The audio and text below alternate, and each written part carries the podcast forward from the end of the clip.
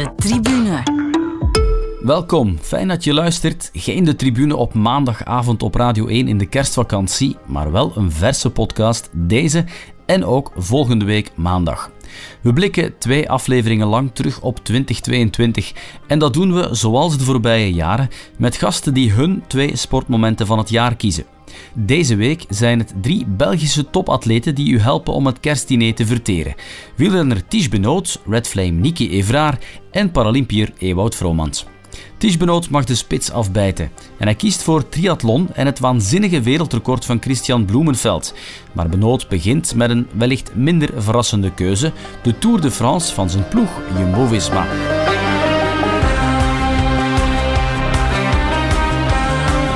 Naar welke fenomenen hebben wij hier zitten kijken in een ronde van Frankrijk? De snelste ooit. Zo'n dominantie. Ja, ze gaan natuurlijk hun, uh, hun manier van werken niet, niet verklappen aan iedereen. Hè. Het is uh, in elk geval een, een succesformule. En uh, ja, ze pakken hier gewoon alles. Hè. Geel, bollen en uh, de groene trui. Hier is uh, Vingegaard. Hij zit uh, nog in de groene cijfers, maar moet nog één bocht nemen.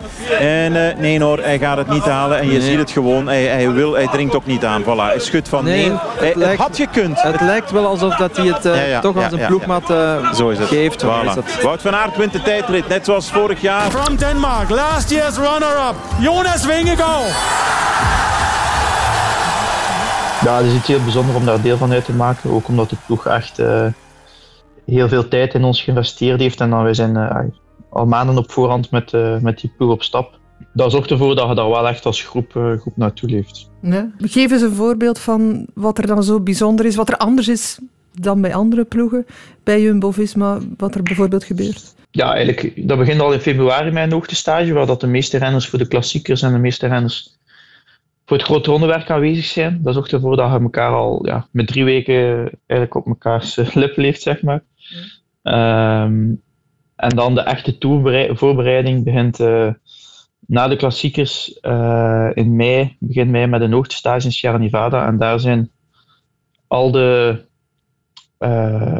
al de geselecteerden, dus er zijn al acht renners op dat moment, plus twee reserves zijn daar aanwezig. Uh, wat ervoor zorgt dat je dus eigenlijk met die kleine groep constant samen zit. En er is ook heel veel uh, staf uh, bij, twee koks, ehm, diëtist, trainers. Ehm, dat zijn stages op een heel professioneel niveau, waar dat je vaak bij andere ploegen ziet, dus dat wij, wij komen ook met de reserverenners. Zijn daar enkel de, de kopmannen, dan zijn er voor drie, vier renners die daar aanwezig zijn en en de meer eh, de renners met de, die in een dienrol rijden of die, uh, die op dat moment nog reserve staan, die zijn er niet. Um, en dat wordt bij ons wel, wel anders aangepakt. Dus dan dat is een eerste blok, zeg maar. En dan zit je een paar dagen thuis. Hebben we met heel de ploeg voor de Tour uh, Dauphiné gereden, buiten Sepp. En dan na de Dauphiné ook rechtstreeks terug op hoogtestage. Dus een tweede hoogtestage van een tweetal weken. Waar je weer met dezelfde renners samen zit. Dat is iets bijzonders. En het uitzonderlijke aan die tweede stage is dat de familie ook uh, aanwezig mag zijn. Okay. Dus dan uh, mogen we zelf uh, iets huren in de buurt. Dan wordt er voor ons gekookt en zo. Denk ik ook iets echt uitzonderlijk in, in profielrennen en zeker in, in profsport ook. Mm -hmm. Dat er wel echt begrip wordt getoond voor, um, ja, voor het mentaal ook in dit geval. Dat je eigenlijk ook wel heel lang van huis bent.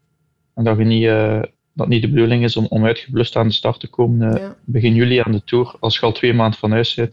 Ja, ik zou dan een extra noemen, maar dat is zelf geen extra. Dat is eigenlijk echt... Uh, dat maakt echt een groot verschil in mijn ogen, ja. ja. Ja, en je leert mekaars kinderen, mekaars vrouw kennen en dan ga je misschien nog meer extra door het vuur voor elkaar? Ja, ja inderdaad. Pas op, dat kan twee richtingen uitgaan. Hè. Ofwel, uh, ofwel zijn elkaar zo beu gezien dat... dat, dat, dat je niets meer wilt doen voor elkaar, maar dat is, uh, dat is dus uh, zeker niet gebeurd. Wat was nu voor jou um, ja, de toerit waar je nog altijd aan terugdenkt van afgelopen jaar? Of, of misschien wel het moment waarop jullie als ploeg door hadden van hm, het zou wel eens kunnen lukken op deze manier? Dat zou kunnen lukken voor het algemeen klassement. Dat was, ja. uh, ik geloof er wel altijd in. Uh, zeker omdat ik zag hoe dat Jonas reed op de ritten daar al minder goed lagen eigenlijk. Um, maar dan, ja, rit 11 was dat denk ik, Col du Granon. Ja. Uh, waar dat hij eigenlijk zijn eerste stap zet richting uh, toerwinst en waar dat hij ook de gele trui uh, neemt. Het is Benot. Benot en Roglic. Wat onmiddellijke reactie van Yates. Toch wat druk zetten op de gele trui. En de aanval. De aanval van Vingegaard. Ja, en dan is nog maar de vraag, kan Roglic volgen? Hè? Roglic mee in het spoor van Thomas. Vingegaard heel vroeg in de etappe krijgen we vuurwerk tussen de klassementstenoren. En nog eens, nog eens versnellen. Vingegaard op een vlakke stuk. En ja, probeert die motor daar te gebruiken. Frankrijk staat in vuur en vlam. Daar gaat Roglic opnieuw. Pogacar moet er achteraan. En nog eens, ja, Vingegaard. Vingegaard met, uh, wat is het ondertussen? Vierde versnelling, derde versnelling, ben de tel al kwijt. En weer moet Pogacar in het gareel. U gaat er ook iets weer. Man, man, man, man, man.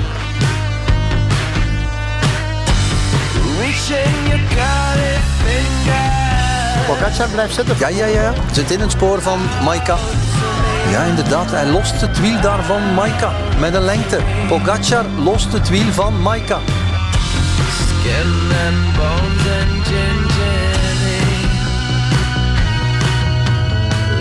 Een moment van zwakte bij de gele truidragers.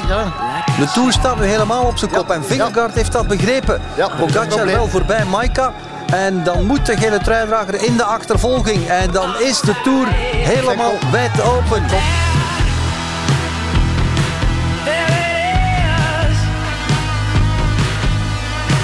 Dat was echt een, een, een teamprestatie. Dat is dus een rit dat we al over gesproken hebben van in, uh, van in begin, uh, begin van de stage in de Sierra Nevada, waar dat de, de, leiding, de tactische leiding van de ploeg had er ook al echt een duidelijk plan voor getekend. En, en omdat dan, natuurlijk loopt dat niet exact zoals je dat op papier hebt, maar dat is wel in mijn ogen heel dicht benaderd. En op dat niveau is dat wel echt iets bijzonders. Ehm, wat natuurlijk met Jonas en Primos twee uh, van de beste renners bergop. En dan uh, met renners als Wouter bij en zo ook. Uh, dat maakt het extra speciaal. Maar ik denk dat die dag iedereen, iedereen gedaan heeft wat hij moest doen. En, en om het dan zo op het grootste toneel te zien vertaald worden in, in de hele trui die dag was heel bijzonder. Ja. En dan, ja, voor mij de rit naar Calais was ook iets speciaal. Mm -hmm. Omdat dat ook wel een, een inspanning was van de ploeg waar ik mijn aandeel in gehad heb waar dat Wout dan uh, uiteindelijk wegreed. En dan de rit uh, naar Rotterdam, de laatste zware bergrit eigenlijk. Waar dat Jonas uh, nog een keer ja, een extra dreun uitdeelt zeg maar, aan, aan, aan Tadej Pogacar. En waar dat hij ook ja, echt de volledige optie neemt op de toerwinst. Wat dat ook weer een, een, een ploeginspanning was.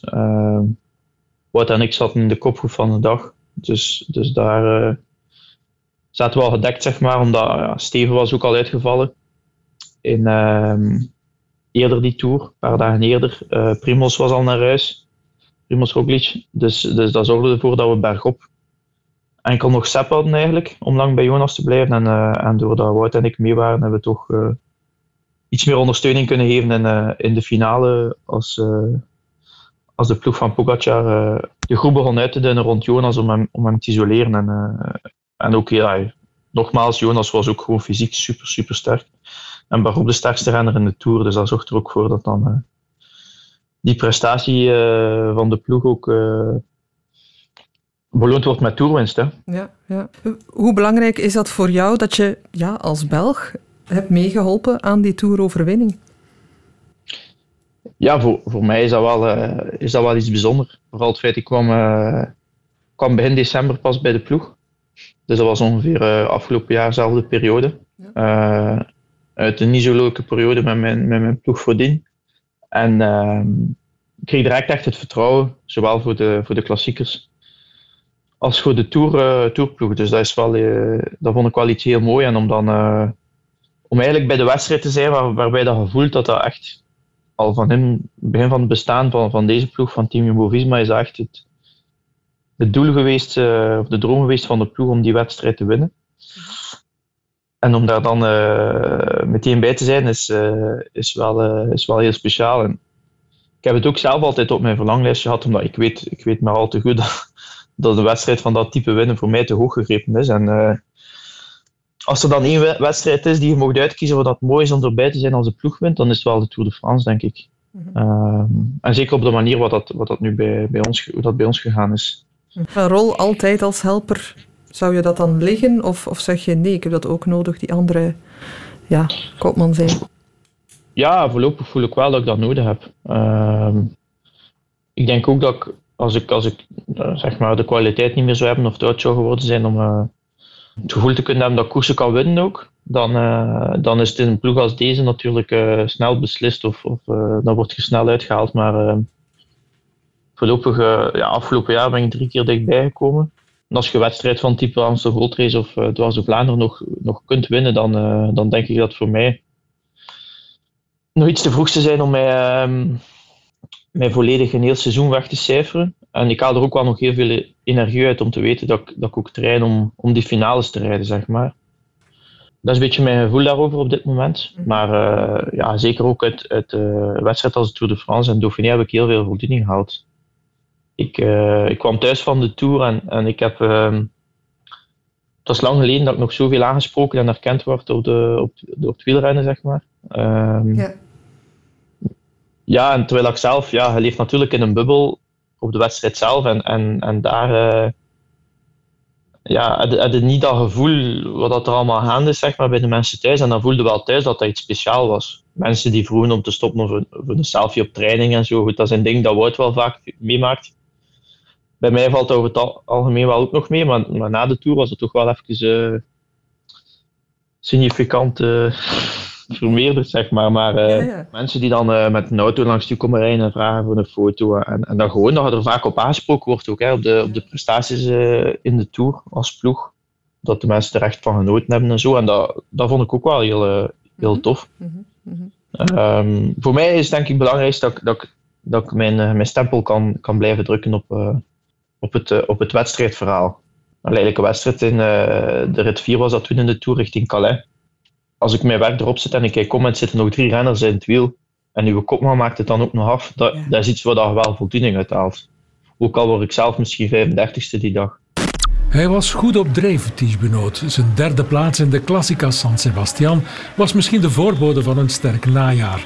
Maar gisteren liep het fout op stage in het Italiaanse Livigno. Eh, een auto die, eigenlijk, eh, die je niet meer, niet meer kon ontwijken. En hij is, hij is eigenlijk frontaal eh, tegen de wagen aangereden. Ja.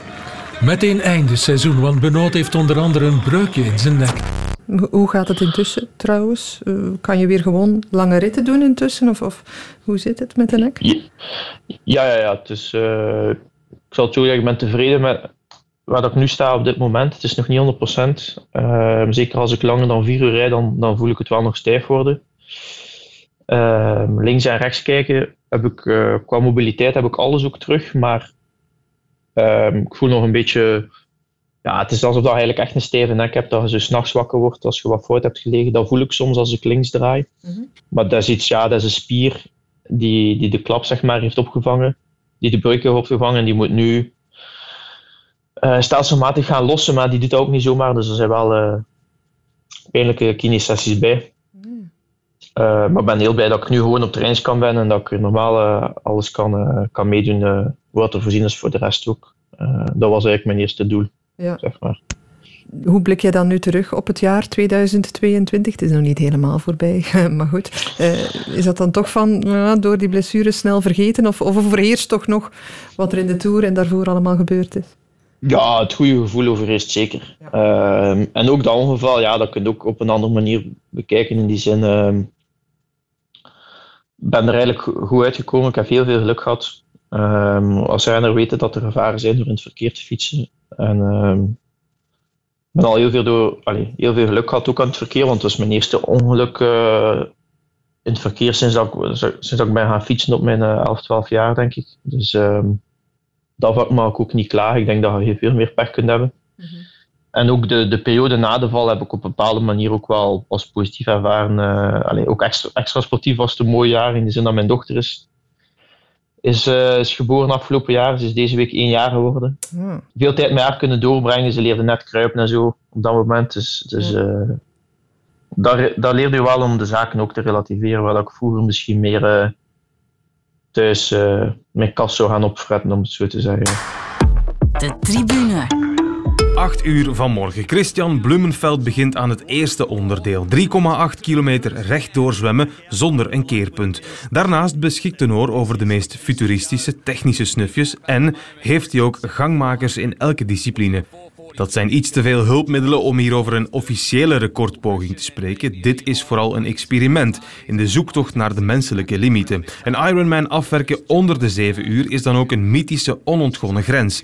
Maar als iemand het kan, is het de Olympische en wereldkampioen. Christian Blumenfeld in his third ever long or full distance race. The first one was the world record. The second one was the world title. And if there's any doubt left in anyone's minds about this man potentially being the future GOAT, put it to bed now. 644.26. He has done it. The Norwegian hype is real. 6 uur, 44 minuten en 25 seconden. Geen officieel record, maar een waanzinnige prestatie. Dat wel. That one was tough. Like, yeah, like e- even sitting back there on the bike, the guys was pushing so hard, and uh, yeah, rode so well and uh, kept us kind of in the game before coming off the bike, and uh, whew, we did it. Ik word ook bewust in een andere sport zoeken. En ik denk, uh, sporters waar ik eigenlijk wel nog naar opkijk, die dat ook in de Sierra Nevada op hoogtestage vaak bezig zijn, zijn, uh, zijn triatleten.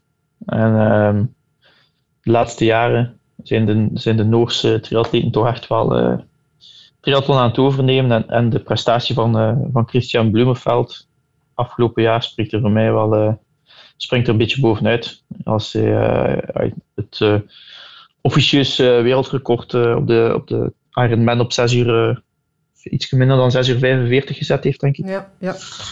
Ja, dat is echt, echt te, zot, te zot voor woorden. Als, als je ziet, bijna 4 kilometer zwemmen, 180 fietsen en een marathon lopen om dan te zien dat, dat je minder dan 7 uur doet. Mm -hmm. En als je hem ziet lopen, ziet er zelf geen echte atleet uit. Hey, het, als je hem naast andere triatleten zet, uh, ja, dan gaat hij er wel zo uit. Uh, een medisch wonder zou ik het zo zeggen, een uh, fysiek wonder. Dat is beter verwoord. Ook zijn, zijn, zijn trainingsmakker Gustav Iden heeft ehm, de Ironman van Hawaii dit jaar gewonnen. Mm -hmm. Dat is nog een andere Noorse, Noorse triatleet. Uh, wat ik ook ja, een heel bijzondere prestatie vind natuurlijk op zijn 26 jaar. Uh, maar goed, ja, om dat nu als, als prestatie van het jaar te gaan noemen, uh, elk jaar wint er iemand in Hawaii, dus dat ja. vond ik... de prestatie van Bloemenveld ook wel, vond ik wel iets, iets bijzonders. Ja. ja. Van waar komt het succes van de Noren, denk je? Doen ze ja, iets speciaals op dat vlak? Ja, ik denk dat ze heel goed begeleid worden, heel professioneel. En gewoon immens, immens veel trainen. Ik volg zo een vlog van Gustav Iden ook, uh, de winnaar van, van Hawaii dit jaar. En ja, ik kijk er wel met, met de, mijn mond open naar soms. Als ik weet hoe dat soms na lange training moeten wij nog dan de klim van de Sierra Nevada omhoog met de fiets. En dan zie ik dat zijn eerste training van de dag was die heel die helling oplopen bijvoorbeeld. Is, ja, dat is 25 kilometer omhoog en 6%. dat is dan een training voor die man. Okay. Dus ja, die, die gasten trainen echt veel. Als, je, als wij het aan het ontbijt komen, hebben die vaak al gezwommen. Uh, het is wel iets dat voor mij... Ja, ik zou het later misschien ook wel willen doen, een, een Ironman. Ik loop zeer graag. Ja? Ja, het lijkt mij wel tof om, om daar een project van te maken. Het is een heel lange inspanning. En ja, dat spreekt wel tot de verbeelding. Ja, het is inderdaad iets heel extreems. Is dat iets wat je ligt, die uitdaging die je dan nodig hebt? Ja, ja misschien wel. Ik heb er al vaak over nagedacht ook. In die zin, wat, wat, wat als het wielrennen stopt, ga ik dan voldaan zijn op, uh, op fysiek vlak, zeg maar. Ga ik daarmee kunnen vrede nemen om gewoon een keer uh, een uur te gaan lopen of een keer twee uur te fietsen.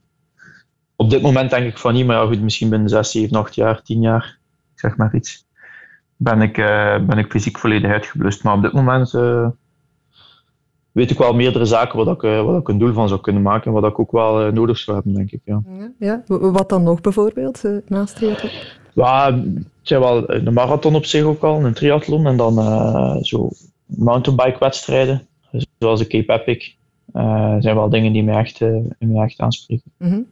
Ja. die natuurlijk niet mogelijk zijn zolang dat je profi-renner bent. of toch moeilijk. Nee, ja, dat, uh... Ben je dan nu al een goede loper? Want je noemt de marathon bijvoorbeeld ook. Uh, is dat iets wat je vaak doet nu al?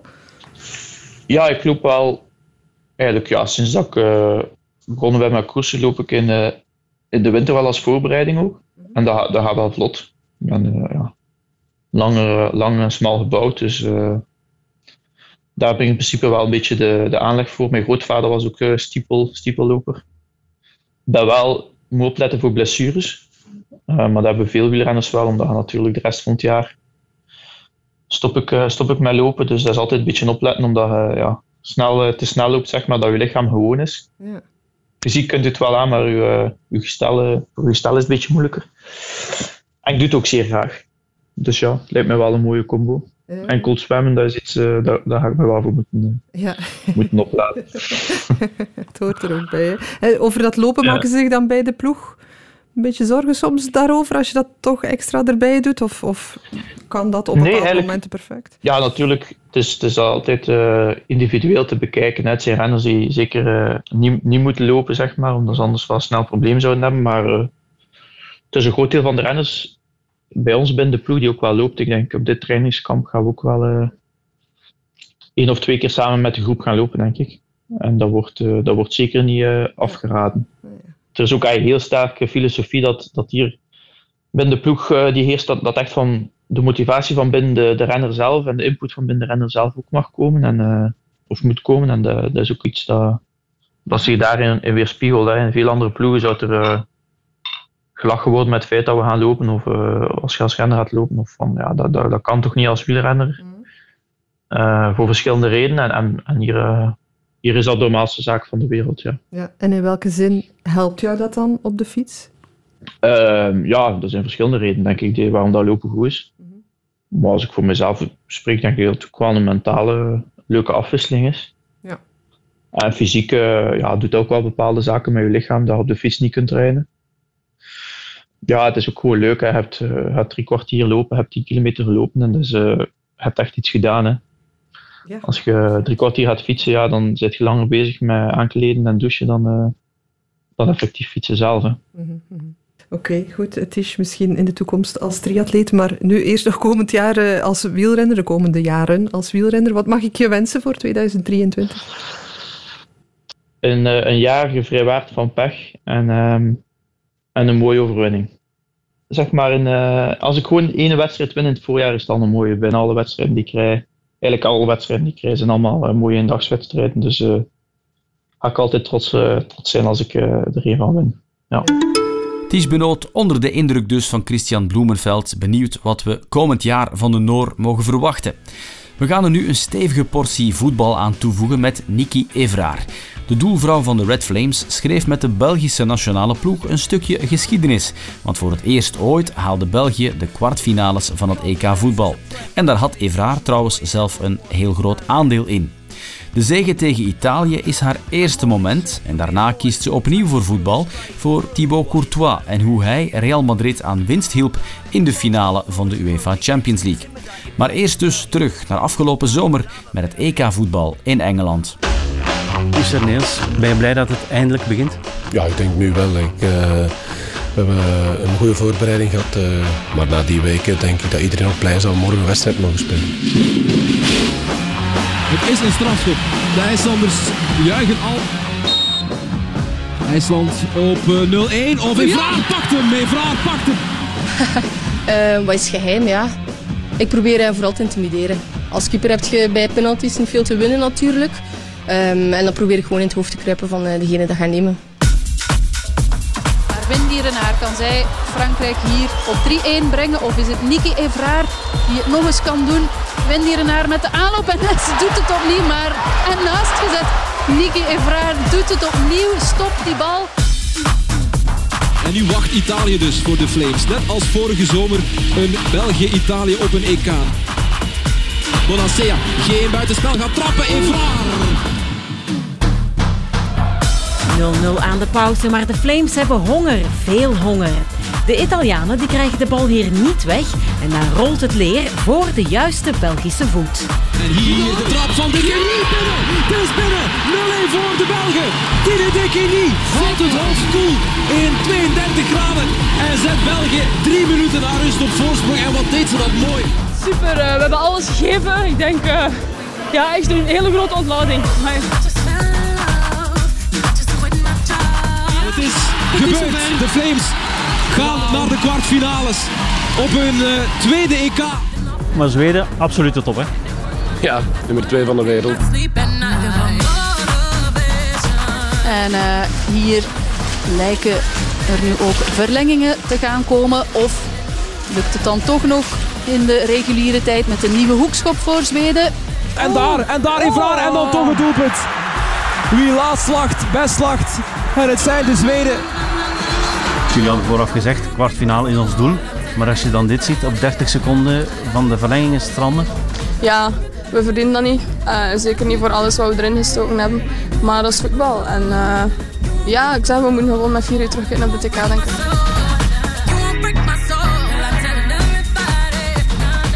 Niki Evraar, je eerste moment, ja, dat is eigenlijk geen verrassing, een logisch moment, denk ik. Ehm, het EK van de Red Flames. Een beetje dat EK in zijn geheel. Eh, ja, toch wel het volledige EK. Eh, ik denk dat we een historisch EK gespeeld hebben en dat we het ja, toch wel ver geschopt hebben. En als je aan dat EK van de Red Flames terugdenkt, is er dan toch één moment specifiek waar je als eerste aan moet denken? Ja, ik denk gewoon aan de wedstrijd tegen Italië dan. Dat was echt kippenvelmoment. Allee, alle wedstrijden in de groepsfase waren echt wel heel speciaal. Maar de wedstrijd tegen Italië, als je weet dat het van moeten is... En hoe dat we die wedstrijd aangepakt hebben, is gewoon ja, kippenvelmoment. Ja, jullie hadden al een barragematje gespeeld wel voor, voor WK-deelname. Maar die match, die druk, dat was misschien voor de eerste keer dat jullie zo'n druk meemaakten. Een echte do-or-die match. Ja, toch wel. Ook omdat je, je zit in een toernooisfeer. Ja, je zit in een uitverkocht stadion. Um, er komt heel veel druk bij kijken, ook van de media. Dus als je dan met zoveel druk, hoe volwassen wij die wedstrijd gespeeld hebben, vind ik toch wel heel speciaal. En jij hebt er zeker een belangrijke rol gespeeld hè, op dat EK. Het, wat dan meeste opvalt, zijn die penalties die je gestopt hebt. Um, zeker die eerste dan, in die eerste match tegen IJsland heel goed voor het vertrouwen, denk ik ook wel zoiets. Ja, sowieso. Um, het vorige EK zat ik op de, zat ik op de bank. Dus ik heb er keihard voor moeten werken om, om op het EK tussen de palen te kunnen staan. En als je dan je eerste wedstrijd speelt en na x aantal minuten in de eerste helft komt er een penalty en die kan je pakken, dat is wel een serieuze boost voor het zelfvertrouwen, dat is waar. Met welk gevoel blik je nu terug op dat EK, nu er een uh, half jaar al is overgegaan? Um, nu met een heel goed gevoel. Um, ik zeg het, na het EK was er vooral teleurstelling die er was.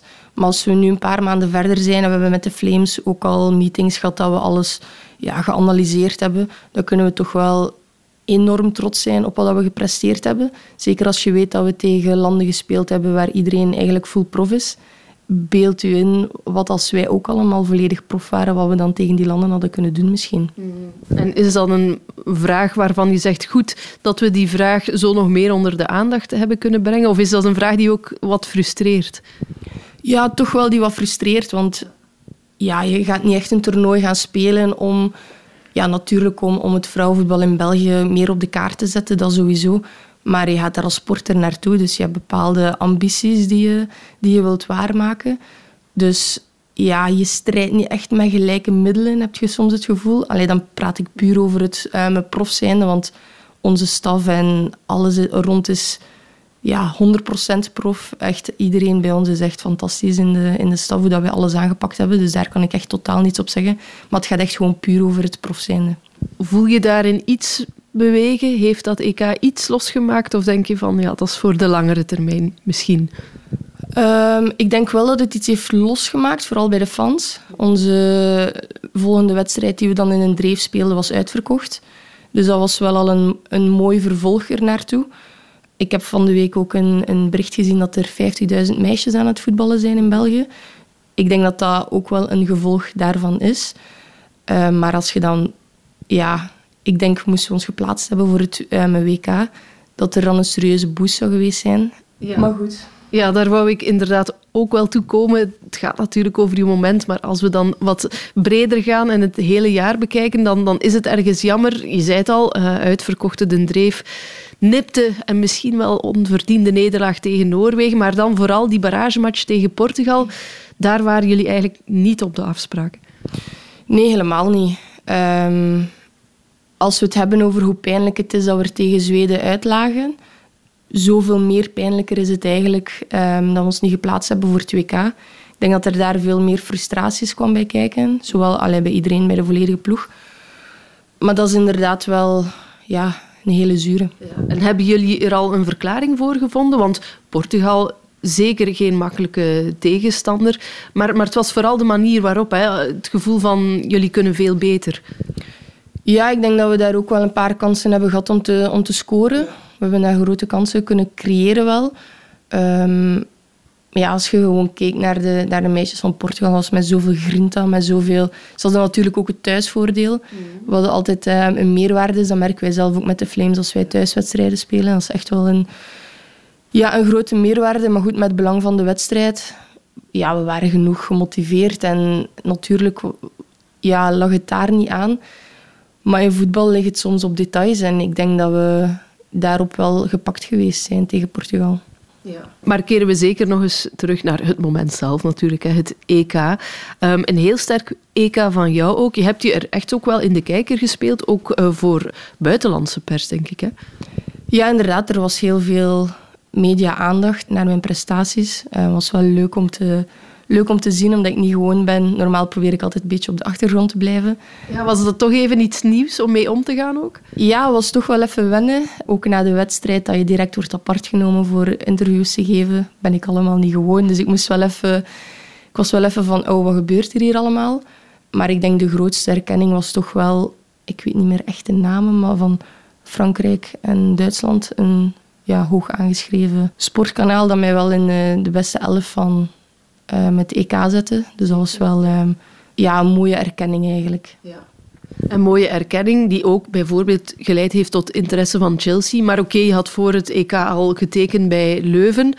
Denk je er wel aan, volgende zomer al misschien, die stap naar het buitenland? Zeker als er dan opnieuw interesse is van zo'n grote club?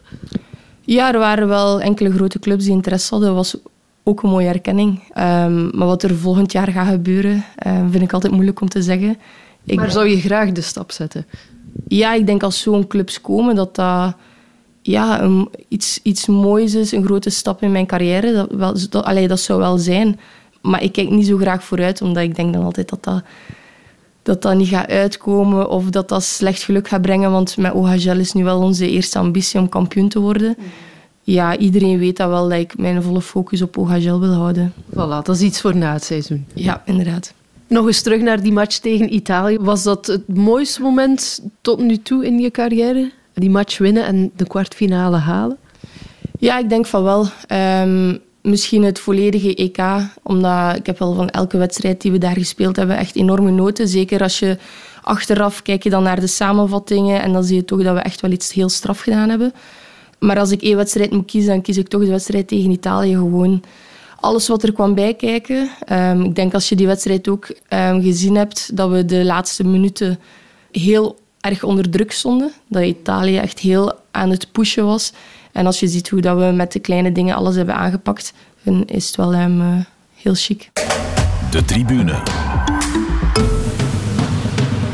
There was a magazine in March that didn't put me in the best 10 uh, goalkeepers. So yeah, I don't know. That that I think is a lack of respect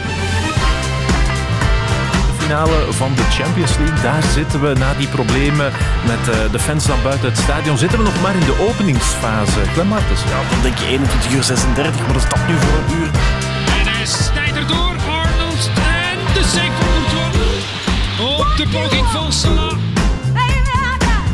Maybe the most important was the save on Mane that I pushed against the post because it was a really difficult one that I really had to push and use my two meters to get there. Nice ball through to Sadio Mane. Makes some space and hits the shot, hits the post and Courtois. Mané maakt zich vrij en de redding van Courtois is nodig en groot. Thibaut Courtois. Die ja, intussen toch ook alweer acht jaar geleden alles de finale van de Champions League speelde. Tegen Real Madrid was dat toen. Met Atletico Madrid. Nu staat hij aan de juiste kant, zo zei hij vooraf. Today I needed to win a final for my career. To put respect on my name because I don't think I have enough respect, uh, especially in England.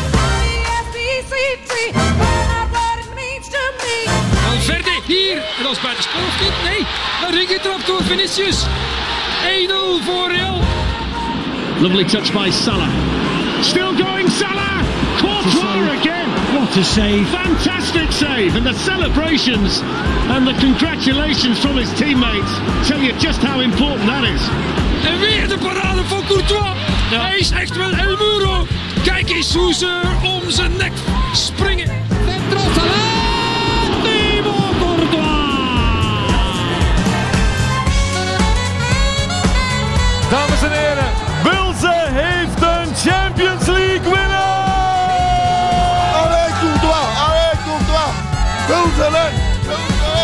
Erin. Just wat ik heb, look at the building. Eerste match gewonnen. hè. When the goalkeeper is man of the match, then something is wrong, going wrong for the other team. I won twice Premier League in England, and I don't think I ever get really recognized for it. And uh, especially after my first year in Madrid, that was not great. Uh, a lot of people laughed with me, and now here I am as a winner. So it's a nice combo. Niki Evraar, je tweede moment, dat is ook voetbal, maar bij de mannen dan. En eh, misschien wel voetbal van het allerhoogste niveau, de Champions League finale. Met daarin een, eh, een Belg als uitblinker. Ja, ik denk dat iedereen direct aan Thibaut Courtois denkt. Hij heeft eigenlijk gezorgd dat Real Madrid de, de Champions League finale gewonnen heeft. En als je zijn parcours ziet van waar dat hij komt, wat er in, het begin, in zijn beginperiode in Real Madrid allemaal over hem gezegd en geschreven werd. En als je zoveel, ja, zoveel jaar later ziet wat ze nu allemaal over hem zeggen, dan zegt dat heel veel over Thibaut Courtois, vind ik. Die finale, het was Real Madrid tegen Liverpool in Parijs. Real won met, met 1-0. Eerst eens vragen toch, ben je dan sowieso voor Real omdat daar een Belg speelt? Want ja, je zou ook een bon kunnen hebben voor Liverpool. Ah nee, ik was toch wel voor Real Madrid. Ook wel, ja, Thibaut Courtois speelt daar. Ehm, ja, en Hazard ook natuurlijk, maar bon. Ja, in een, in een andere rol helaas. Maar ik heb wel altijd al een voorkeur gehad voor, voor Real Madrid in, in Spanje. Ik ben wel een Cristiano Ronaldo fan ook. Dus vandaar de... Hij is helaas weg, maar vandaar de, de voorkeur naar Real Madrid eigenlijk. Ja. En dan een eh, Belg in doel en niet zomaar iemand, want man van de match, het was heel straf ook. Hè. Ik denk negen C's, waarvan vijf echt hele straffe reddingen. Ja, heel cruciale reddingen. Ik heb gisteren nog eens naar de samenvatting gekeken, omdat ik dacht van ja, ik wil, ik wil toch nog eens herbekijken. Benzema ook, fantastische speler, dat dat scoort, maar die goal wordt dan afgekeurd. Dan scoren ze nog eens en dan zie je dat Liverpool gewoon aan het pushen, pushen, pushen is. En dan ze ja, toch heel dankbaar mogen zijn dat Courtois in de goal stond. En hij leek inderdaad zo'n zo'n dag te hebben van er gaat hier niks binnen, ik stop alles. Ja, we waren naar de finale aan het kijken met enkele vrienden. En ik weet nog dat ze zeiden van ja, Liverpool gaat winnen. Je ziet gewoon, ze zijn te veel aan het drukken. Maar je hebt soms als keeper heb je zo... Ik weet niet hoe dat komt, maar soms heb je gewoon wedstrijden dat, dat alles lukt en dat je precies voelt wat er gaat gebeuren. En ik denk dat, dat Thibaut zo'n zo'n wedstrijd had. Je zag gewoon dat alles lukte en hij vierde even heel uitbundig. En dat was een paar seconden en dan hup, die focus was daar terug naar de, naar de volgende redding. Gewoon omdat hij wist dat twee, drie cruciale reddingen nog niet voldoende waren. Hij wist gewoon dat er nog ging komen. En hij kon gewoon zijn focus zo goed loslaten en die focus direct terug oppakken dat je gewoon wist van er gaat hier echt helemaal niks gebeuren vandaag. Dat zijn misschien zaken die je ook probeert, ja, ik ga niet zeggen kopiëren, maar probeert mee te nemen in jouw keeperswerk. Ook vooral dat gefocust blijven. Ja, sowieso. Als je zo'n fantastisch voorbeeld hebt, um, zou het zonde zijn om niet te kijken naar de, naar de tips die hij gebruikt. Dus kopiëren zou ik niet zeggen, maar je probeert wel eens te kijken van oké, hoe ga ik daarmee om als ik aan, het, aan een wedstrijd aan het spelen ben. Want je hebt verschillende soorten keepers. Je hebt heel uitbundige keepers, die een Pickford, die heel ja, opgefokt aan het spelen is eigenlijk. Maar dat is zijn, zijn speelstijl en dat is niet beter of niet slechter dan, dan iemand anders. Um, Simon Mignolet is ook heel rustig. Dus dat is wel leuk voor, voor mij en ik denk ook voor andere keepers, dat je naar die, naar die wedstrijden, die samenvattingen kan kijken en dat je daar wel dingen kan uithalen om ja, je focus, want dat is wel het belangrijkste als keeper, om je focus direct terug te kunnen herstellen. Ja, inderdaad. En dat, dat herken ik wel een beetje. Een, een redding, bijvoorbeeld die strafschop gepakt, even juichen, uitbundig zijn, maar niet te lang en dan direct terug in die focus kruipen. Ja, als ik denk aan, aan de penalty tegen IJsland, ehm, was het ook wel direct naar de, naar de ploeg, omdat je merkte van, dat er wel even paniek was omdat we een penalty tegenkregen. En dat er wel uit, uitbundig gevierd werd door, door de ploeg. Met die, ik heb een paar ehm, kloppen op mijn hoofd gekregen van sommigen. Maar om toch even duidelijk te maken van oké, fase gedaan, terug focus en terug naar het plan. En ja, als je te enthousiast aan het spelen bent, dan, ja, dan gebeuren er zaken die misschien niet zijn afgesproken.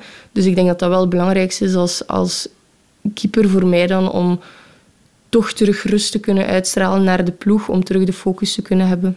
En terug naar Courtois. Um, werd dus verkozen tot man van de match. Hij en niet Vinicius, die het doelpunt maakte. Maar ik denk, na zo'n prestatie, ja, daar kon u nu echt niet uh, omheen. Ja, en dat is iets wat dat er wel uh, vaak gezien wordt. Dat, dat de keeper wel de ploeg recht houdt, maar dat degene die de winning goal maakt um, verkozen wordt tot ja, beste speler van de wedstrijd. Maar ik denk dat ze hier wel echt niet overheen konden. Uh, dat het wel verdiend was voor Courtois. En ik denk dat zijn ploeg dat ook wel volledig besefte. Je zag dat ook aan de, aan de vieringen na de wedstrijd. En na redding was ook direct naar Courtois. Gewoon omdat ze iets hadden van wauw, deze man is fantastisch. Ja, klopt. Ja. Courtois na de match haalde ook een beetje uit, of, of haalde zijn gram, is misschien beter gezegd, klaagde over een gebrek aan respect, soms in Engeland vooral. Want uh, daar natuurlijk zijn periode bij Chelsea uh, gekend. Denk je typisch ook, zeker voor een doelman, die moeten nog net dat tikje meer leveren om, om echt dat respect te krijgen uh, dat ze verdienen? Ja, dat denk ik wel. Ik vind het moeilijk om daar iets over te zeggen, want je zit bij mannen natuurlijk ook met rivaliteit en dat, dat weegt er allemaal heel zwaar door. Ook als je kijkt naar Atletico Madrid en als ze daar een wedstrijd gaan gaan spelen, zie je ook heel veel passeren op sociale media wat, ze, ja, wat er allemaal gezegd en gedaan wordt. Maar ik denk daarom des te meer dat ik Courtois echt een, een fantastische keeper en de beste keeper van de wereld vind. Gewoon, allee, hij gaat daar precies helemaal makkelijk mee om met die situatie, maar dat is alles behalve. Ik denk als je zelf denkt als je als persoon op je werk of waar dan ook veel commentaar krijgt op wat je aan het doen bent, dat dat wel weegt en ook mentaal wel wat zwaar kan zijn. En moet dan eens inbeelden dat dat ja, duizenden mensen zijn die allemaal een mening over je hebben, terwijl ze je niet eens kennen. Ja, des te straffer wat hij allemaal aan het presteren is en hoe dat hij daar allemaal mee omgaat. Ja. En inderdaad, dat niveau vasthouden, dat is nu misschien de uitdaging, maar het is iemand die ook wel al lang op een heel hoog niveau speelt. En hij traint ook op een hoog niveau. Um, als je de trainingen ziet, dan hij pakt gewoon alles. Uh, je merkt dat er... Ja, ik ben gefascineerd door, door de trainingen. En, en ik, ja, ik bekijk die soms wel eens dat er... Ja, dan de spelers ook wel wat gefrustreerd worden soms.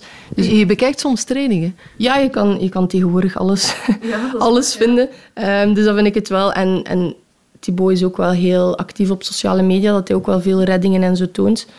Ja, ik vind dat wel leuk om dat allemaal te volgen en om dat allemaal te kunnen zien hoe dat hij... Ja, want je hebt wel... Ze zeggen altijd, je traint zoals dat je wedstrijden speelt, maar ik denk dat hij daar wel een bevestiging van is, want als je de trainingen ziet, ja, zijn die ook gewoon heel goed van een heel hoog niveau. En ook voor de laatste twee momenten blijven we bij straffe prestaties van Belgen.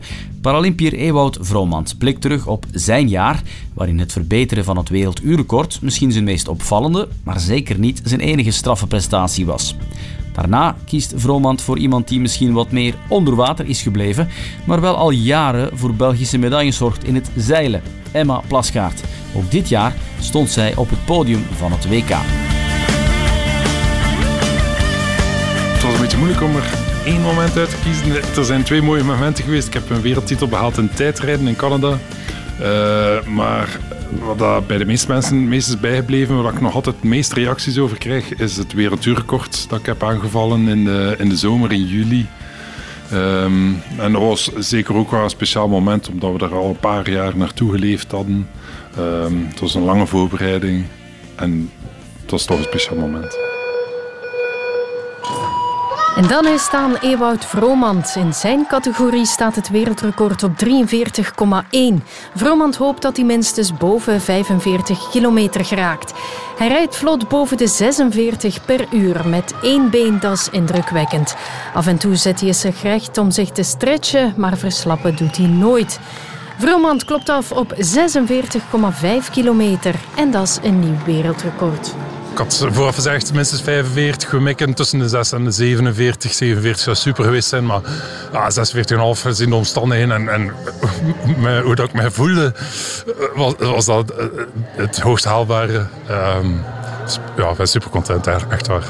Vertel eens hoe dat liep, want je hebt het eh, verbroken, het werelduurrecord. 46,521 kilometer, zo was het. En het was een flink stuk verbeterd. Hè? Ja, het oude record stond op naam van Colin Lynch, een Ier. Uh, die had dat verbroken in 2016, toen na de Paralympische Spelen. Um, al een paar jaar geleden hebben we er al eens over nagedacht en, en, hebben we de eerste testen gedaan. Ik denk in 2019 was dat in de zomer, samen met de trainer. Um, en, en, toen bleek al uit testen van 30 en 40 minuten dat, dat het zeker mogelijk moest zijn om dat te breken. Um, ja, het is ook zo, de, de, de, evolutie in de Paralympische sport gaat heel snel. Het niveau stijgt enorm snel. Mhm. Dus sinds 2016 rijdt iedereen sneller. Dus en ik zelf ook. En, um, dus, dus we wisten dat het realistisch ging zijn. Maar het kwam dan op aan om, om, om, dat voor te bereiden, om een juiste datum te vinden, ook om uh, budget te vinden daarvoor, want het is niet goedkoop, zo'n. Die voorbereiding daarop, dat is altijd ja, heel gedetailleerd. Um, we weten bijvoorbeeld Filippo Ganna, die had een, een 3D geprinte fiets voor zijn werelduurrecord. Hoe zit dat bij jou? Wordt er ook aan dat materiaal uh, gewerkt om dat ja, beter te krijgen? Um, ja, we hebben natuurlijk niet hetzelfde budget als Filippo Ganno, Ganna. Uh, dus een 3D-geprinte fiets, dat staat er niet in. Maar ik, heb wel, ik had echt wel een goede fiets. Uh, fiets waar ik al uh, wereldkampioen mee geworden was. Fiets die ook door valide profrenners op de piste vaak gebruikt wordt. Ik zelf zat ook zo aerodynamisch mogelijk en volgens mijn capaciteiten ook op die fiets. En, verder eh, worden wij al jarenlang begeleid door een professioneel trainer die ons de trainingsschema's geeft, die ons uh, traint op de piste, um, met wie dat we pieken naar WK's en dus ook nu konden pieken naar dat wereldduurrecord. Er is data-analyse of, ah, met vermogenmeters. Um, um, CDA-metingen op de piste, dus, de aerodynamica wordt, wordt uh, bekeken. Dus ja, op zoveel mogelijk vlakken hebben we geprobeerd om, om, om het beste uit te halen. Ja. Um, ik las een interview met je trainer die zei: uh, Ewout heeft uh, meer vermogen in zijn linkerbeen dan een gewone wielrenner, of een valide wielrenner heeft in één been. Dat moet immens zijn, hè? de kracht die jij in dat ene been hebt. Uh, ja, het is natuurlijk ook een uh, werk van jaren. In het begin uh, was dat natuurlijk veel minder dan. Het is, het is, iets dat ik opgebouwd heb door de jaren heen. Maar inderdaad, ja. Um, nu, ik train ook alleen maar dat ene been. Dus daarom dat dat been meer kracht heeft dan een been van een valide wielrenner. Um, het is ook zo, ik heb maar één hart en twee longen, net als alle andere wielrenners. En dat ene hart en die twee longen, die werken enkel en alleen voor dat ene been. Terwijl dat bij andere renners uh, moeten hart en longen werken voor twee benen. Ik denk dat het daar iets mee te maken heeft. Er is geen echte wetenschappelijke verklaring voor. Er is nog niet echt wetenschappelijk onderzoek naar gedaan. Maar ik vermoed dat je je been ook op een andere manier moet trainen. Want je moet ook ja, de duwbeweging, maar ook de trekbeweging doen. Hè? Alleen meer dan een, dan een valide. Ja, inderdaad. Ja, dat was vooral een probleem eh, toen ik begon te fietsen na mijn uh, revalidatie, na de amputatie eigenlijk. Mhm. Ehm, dan kon ik met moeite vijf kilometer fietsen, omdat ik direct verzuurde. Dus ik, ik, ik kon fietsen, ik deed recreatief uh, triathlon. Dus ik kon fietsen met klikpedalen en zo, maar uh, die trekbeweging was toch echt veel uh, intensiever dan dat ik verwacht had. Mm. En dat je zou denken. Um, dus inderdaad, na, na een paar omwentelingen verzuurde mijn been al. Dan moest ik een klein beetje rusten. En zo heeft het weken en maanden geduurd om, om te kunnen opbouwen naar ja, op een duur dan meer dan een uur fietsen aan één stuk. En uh, door de jaren heen is dat dan alleen maar verbeterd en is mijn been sterker en sterker geworden. Tijdens dat werelduurrecord, wanneer wist je dan van ja, het gaat lukken? Of, of hoe liep dat, dat uur? Ja, um, we hadden op voorhand gemikt tussen de 6 en de 47. Ik denk dat we een ronde tijd vooropgesteld hadden van 19,2 of 19,25 of zoiets. Uh, we gingen proberen om zo constant mogelijk te rijden. Mijn trainer ging mij elke ronde de rondetijden doorroepen en ook tonen met mijn tablet. Wat ik niet verwacht had, is dat na, dat, dat al heel snel uh, super lastig begon te worden. We hadden testen gedaan van 30 à 40 minuten. En dan heb had ik altijd nog een klein beetje een overschot. Ja, omdat ik, ervan uitging dat ik er nog 30 eh, of 20 minuten ging moeten bijden. Uh, maar nu was het verrecht. Um, en dan begint je het is een wedstrijd, altijd iets intensiever. En dus inderdaad, na vijf minuten zat ik al bijna op mijn limiet. Um, maar ik had wel die rondetijd vast van 19,2, 19,3 ongeveer. En ik, ja, dan, is, dan, is, dan wordt het een mentaal gevecht om die rondetijd vast te houden. En dat is eigenlijk, daar, daar werd het echt aan zwaar. Het, duurt ook enorm lang. Altijd maar die rondetijd proberen vast te houden. Um, wat ik ook had, maar dat had ik op voorhand voorzien, dan pijn in mijn rug op duur. Hè. Pijn in mijn rug, schouders. die positie is wel, is wel belastend. En ik had het ook voorzien en dus ik denk dat ik twee of drie keer ben gaan rechtzitten. Eén ronde, een beetje mijn rug te, te, te strekken enzovoort en dan weer tempo te zoeken. Denk je dan in de toekomst, is dat dan een doel van, ja, ik wil dat nog wel scherper stellen?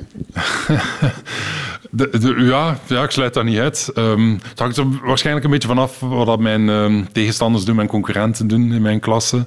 Ik heb al eens gepost op uh, het, laatste, het laatste WK. Voorlopig is er nog geen interesse. Uh, uh, of, of er is misschien interesse, maar hebben ze nog niet direct concrete plannen. Ook omdat ze nog niet direct het budget ervoor vinden. Um, het is ook mogelijk dat ik toch nog eens een poging doe uh, samen met een aantal andere Belgen, want ik weet dat er nog een aantal andere Belgische uh, paracyclisten of GW-renners misschien geïnteresseerd zijn om het ook nog eens aan te vallen.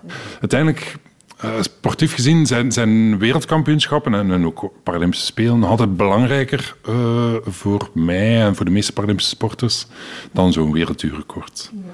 Waarom? Um, ah, bijvoorbeeld, um, ik heb een contract bij Sport Vlaanderen. Um, de het, het, criterium is een top 3 op een WK. Uh, dus alleen al om, om, mijn inkomen te kunnen behouden, moet ik uh, vooral pieken naar, naar, de WK's of de Paralympische Spelen. Paralympische Spelen telt ook als, als, als criterium uh, om, om het contract bij Sport Vlaanderen te behouden. En dus in die zin was die wereldtitel heel belangrijk voor je? Die wereldtitel dit jaar was echt super belangrijk, inderdaad, op dat vlak. Ja! Ja! Ja! Fuck ja! Wereldkampioen! Premier champion du monde et vainqueur de la médaille d'or. In first place, the world champion and winner of the gold medal de la Belgique from Belgium, Ewood Romant. Ik voelde dat het erin zat, dus ik ben super content. Het was iets wat ik al een paar jaar mee in mijn hoofd zit ben er al een paar keer dichtbij geweest. Ik heb wel eens zilver gepakt op een WK-tijdrijden. Uh, nochtans uh, laat het parcours mij niet 100% daar in Canada. Het zat een stijl klimmetje in van een kilometer waar ik... Um, ik ben groot en zwaar, ik toch tijd verlies ten opzichte van mijn concurrenten. Maar die voorbereiding door dat wereldduurrecord is, is echt ideaal gebleken. Um, er was een ongeveer een maand tussen het duurrecord en het WK tijdrijden. En dat bleek ideaal te zijn als voorbereiding. En ja, het is dus gelukt om wereldkampioen te worden. Wat zet je nu eigenlijk zelf bovenaan? Je zei in het begin van het gesprek, er wordt meest gesproken over dat werelduurrecord. Maar zet je zelf die wereldtitel toch bovenaan? Dat gevoel krijg ik een beetje. Ja, misschien wel. Ja, die wereldtitel vind ik echt wel mooi. Het is, het is mijn tweede wereldtitel. Ik ben al eens wereldkampioen geworden op de individuele, individuele achtervolging. Ja. Nu in het tijdrijden. En daar, daar hoort een trui bij in het wielrennen.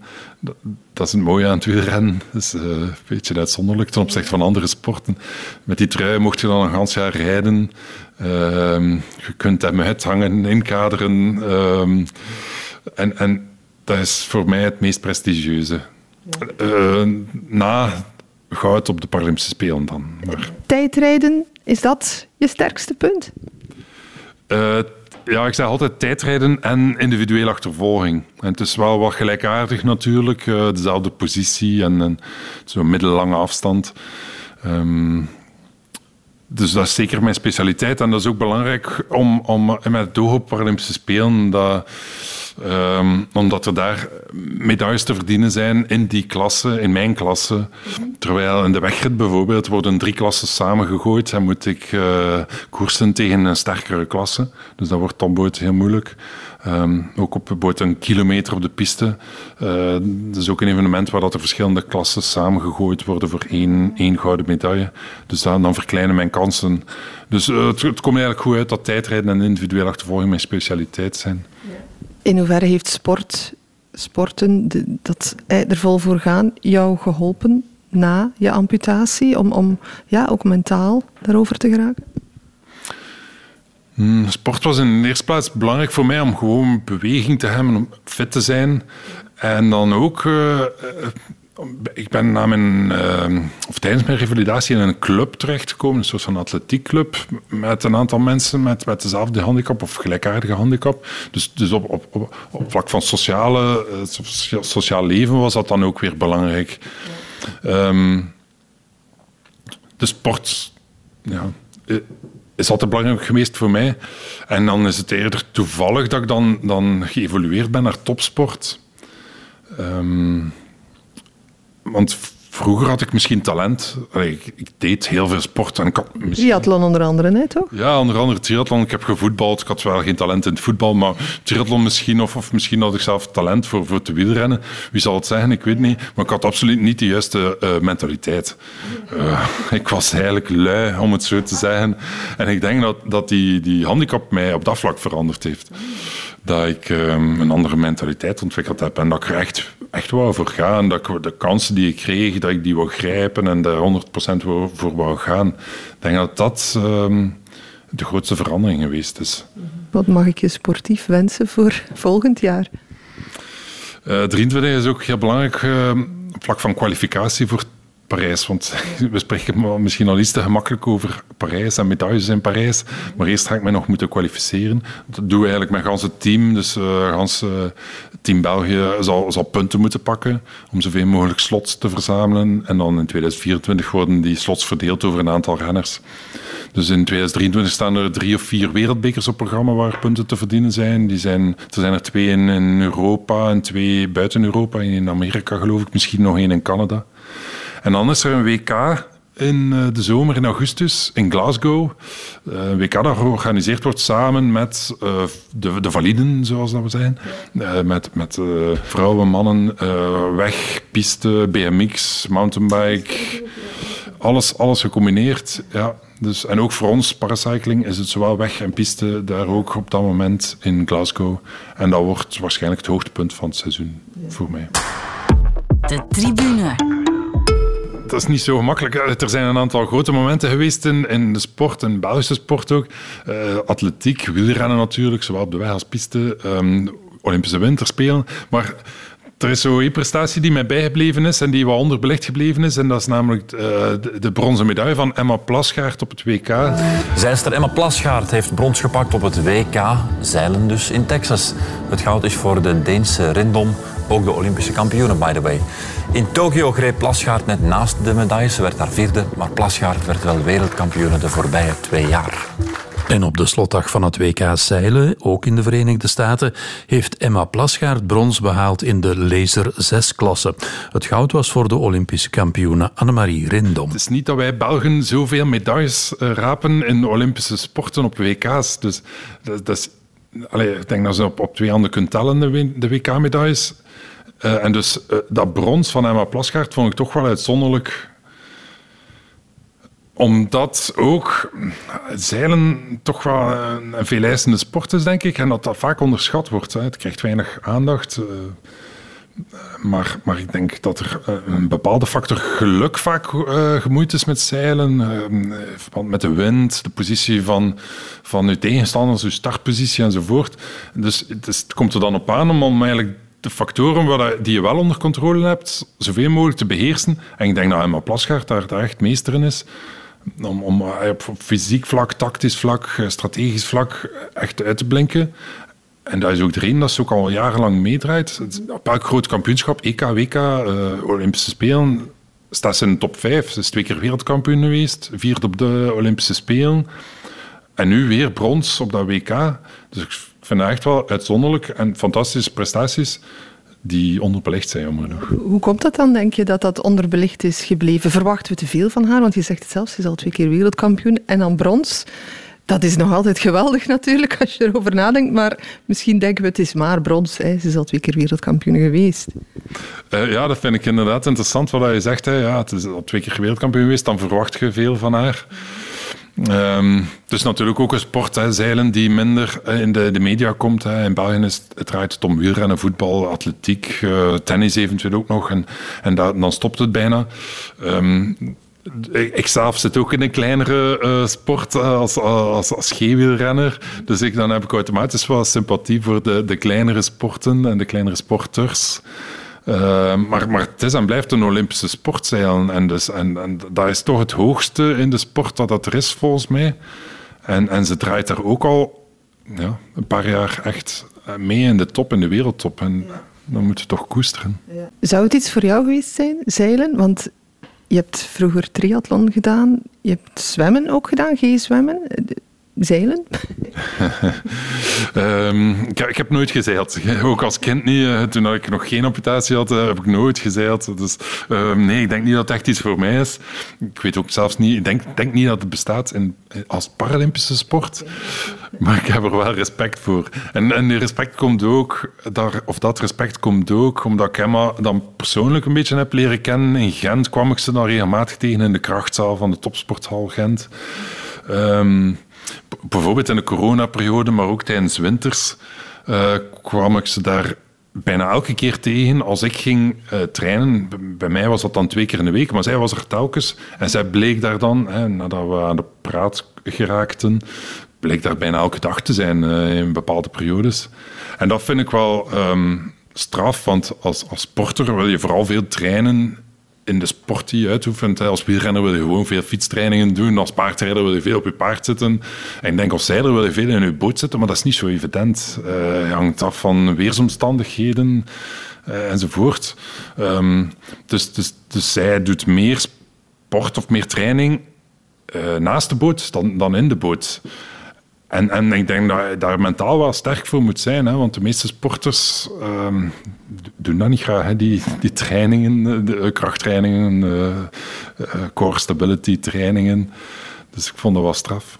Het is ook een sport, zeilen denk ik, tijdens de wedstrijd, waar het mentale heel erg belangrijk wordt. Daar heeft ze al vaak over gepraat, Emma Plasgaard. Dat is in het tijdrijden, in jouw disciplines, op de piste ook heel belangrijk. Laat jij je daarvoor begeleiden eigenlijk?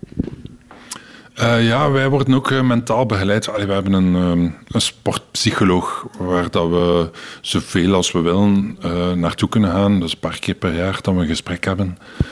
en dat is inderdaad wel belangrijk om, om om te gaan met druk of, of om te gaan met um, ja, goede prestaties, met slechte prestaties, blessures, maar ook met wedstrijdsituaties. Dus ik kan me inderdaad voorstellen dat in het zeilen dat je in, zelfs in een wedstrijd uh, allee, dat je mentaal sterk moet zijn. Uh, je hebt niet alles in hand. Dat is ook alweer iets mentaal wat niet gemakkelijk is, denk ik. Als sporter, als topsporter wil je zoveel mogelijk controle.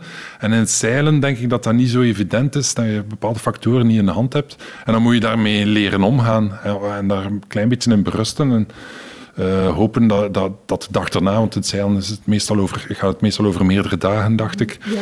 En dan hopen dat je de dag daarna, dat, dat, dat, het geluk dan wel aan jouw kant staat. Ja. Um, je bent uh, nog maar een paar maanden geleden, of nog een maand geleden, meegeweest op de, de stage van BUC, die nu samen gebeurt met de Paralympiërs. Hoe, hoe was dat eigenlijk?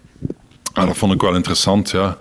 Um, enerzijds, ja, omdat je wat, wat ervaring kan uitwisselen met, met met andere sporters. Um, al hebben wij binnen de Paralympische sport ook wel al, al veel expertise en, en uh, professionele begeleiding en zo. Um, maar, maar het allerbelangrijkste vond ik, vond ik het symbolische aspect eigenlijk van het, het, opnemen van de Paralympische sporters bij de, bij de Olympische sporters. Dat is eigenlijk het summum van inclusie, denk ik bijna. Uh, topsporters worden vaak genoemd als een, als een rolmodel naar naar de maatschappij toe. En ik denk dat, dat BOC dat nu ook echt duidelijk getoond heeft naar de maatschappij. Dat, dat handicapte sporters bijhouden en bijhoren. Sorry. En bij, bij uitbreiding dat uh, alle mensen met een handicap erbij horen in de maatschappij. Dus op, op dat vlak vond ik dat wel een heel belangrijk moment. De tribune. Bedankt voor het luisteren. We wensen jou een heel fijn eindejaar. En volgende week dompelen Jolien Doren, Stijn Francis en Tia Hellebout ons onder in hun sportmomenten van 2022. Tot dan.